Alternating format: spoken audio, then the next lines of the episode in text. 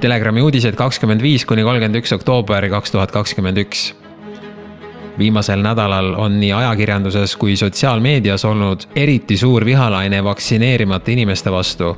aina enam jääb mulje, et tegelikult ollakse vihased valitsuse ja teaduse lubaduste peale, et vaktsineeritus annab kaitstuse ja vabaduse, ent neid lubadusi ei suudeta täita juba on teada, et uutest nakatunutest nelikümmend protsenti on vaktsineeritud inimesed ning ka süstitud lähikontaktsetele kaalutakse karantiinikohustust muutlikust teadusest ja vastakast kommunikatsioonist tulenev frustratsioon valatakse välja inimeste peale, kes ei soovi vaktsineerida. Seda, et tegelikult ollakse vihased hoopis valitsuse, meedia ja kriisikommunikatsiooni peale, illustreerib ilmekalt ka Inimõiguste Instituudi tellitud värske uuring, mille kohaselt sisuliselt kuuskümmend viis protsenti Eesti inimestest ei usalda kodumaist meediat usaldus ajakirjanduse vastu on vähenenud. kõige erapooletumaks ja tasakaalukamaks peeti Eesti Rahvusringhäälingut viiekümne ühe protsendiga. Eestikeelset ajakirjandust pidas tervikuna aga erapooletuks ja tasakaalustatuks vaid kolmkümmend viis protsenti vastajatest. teadusnõukoda ei poolda ühiskonna ega koolide sulgemist. valitsus otsustas seepeale veel enam lapsi segregeerima hakata teadusnõukoda ei poolda Irja Lutsari sõnul ühiskonna sulgemist, sest see ei anna pikas perspektiivis palju juurde. Haridusminister Liina Kersna osalisel käidi seepeale nädala lõpus välja nööritama panev plaan, mille kohaselt alates esimesest novembrist testitakse kõiki õpetajaid ja õpilasi alates esimesest klassist kaks kuni kolm korda nädalas. Lisaks otsustas valitsus, et ka kaheteist kuni seitsmeteist aastastelt hakatakse meelelahutuskohtades ja restoranides küsima koroonapassi. Viimaste arengute vastu võttis pühapäeval sõna endine rahvastikuminister Riina Solman, kelle arvates on valitsusel käes aeg vabandama hakata. vaktsineeritud inimestelt tuleks paluda vabandust selle eest, et hoolimata varem räägitust, tuleb hakata ka nende liikumisi piirama. vaktsineerimata inimestelt tuleb paluda vabandust sildistamise eest mis aga kõige olulisem, otsemaid tuleb lõpetada laste lahterdamine vastutustundlikuks ja vastutustundetuks, leidis Solman Postimehes avaldatud arvamusloos Suurbritannia terviseuuringud, pandeemia mõju lastele ja noortele, segu üksindusest, hirmust ja ebakindlusest. Suurbritannias tegutsev tervisenõustamise ühendus HEART kirjutab, et piirangud ja muud koroonameetmed on märkimisväärselt kahjustanud meie järeltulevat põlvkonda nii vaimses kui ka füüsilises plaanis mullu sügisel tuvastas Inglismaa koolide inspektsioon enesevigastamise ja söömishäirete muret tekitava suurenemise. ka kolmandik Eesti kooliõpilastest vigastab end tahtlikult vaimse tervise probleemide kasv tõi kaasa rekordilise antidepressantide kasutamise laste hulgas. uuringust on välja tulnud, et probleemiks on osutunud ka laialdane maski kandmise kohustus. näiteks arstide sõnul ei julge osa väikeseid lapsi ka arsti juures üldse maski peast võtta, sest vanemad on sundinud neid seda kogu aeg kandma.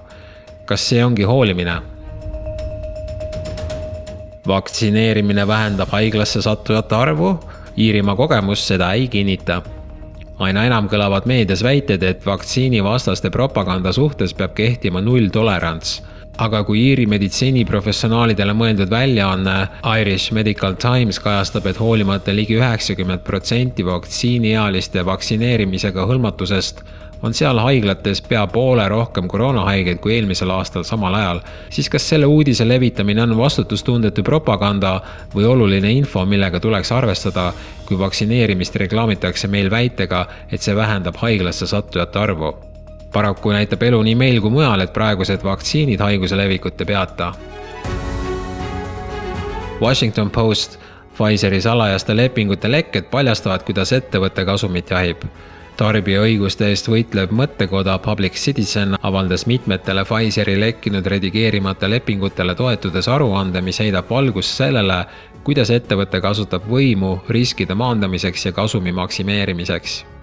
lepingud seavad Pfizeri huvid järjekindlalt rahvatervise huvidest ette, ütles aruande koostanud teadlane Zain Rizvi ajalehest The Washington Post that's the tragedy here, right? That governments around the world have propped up Pfizer by awarding government granted monopolies and enabling a system of, international intellectual property protection that, uh, that empowers Pfizer.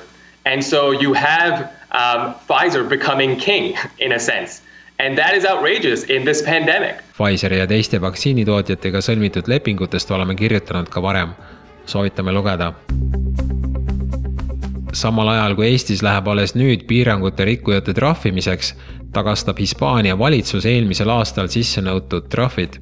kõik Hispaania kodanikud, kes pidid maksma eelmisel aastal kehtestatud pea kolm kuud kestnud Covid-19 eriolukorra ajal piirangute rikkumise eest trahvi, saavad riigilt raha tagasi, kirjutab uudisteagentuur AP Hispaania regionaalministeerium teatas trahvide tagastamise otsusest peale seda, kui riigi kõrgem kohus leidis, et eelmisel aastal neljateistkümnendast märtsist kuni kahekümne esimese juunini kehtinud eriolukord ei olnud põhiseadusega kooskõlas. Hispaania siseministeeriumi kinnitusel tehti eriolukordade ajal üks koma üks miljonit trahviotsust selle eest, et nad kas ei püsinud kodus või rikkusid teisi Covid-19 seotud piiranguid on aeg ka meelde tuletada, mida rääkisime sel suvel Õhtulehe saates Puuduta mind kogu koroonakriisi jooksul ei soovi keegi rääkida ühest väga suurest elevandist elutoas. nimelt, kas viiruse levik ja nakatumine meile räägitaval moel üldse toimuvad?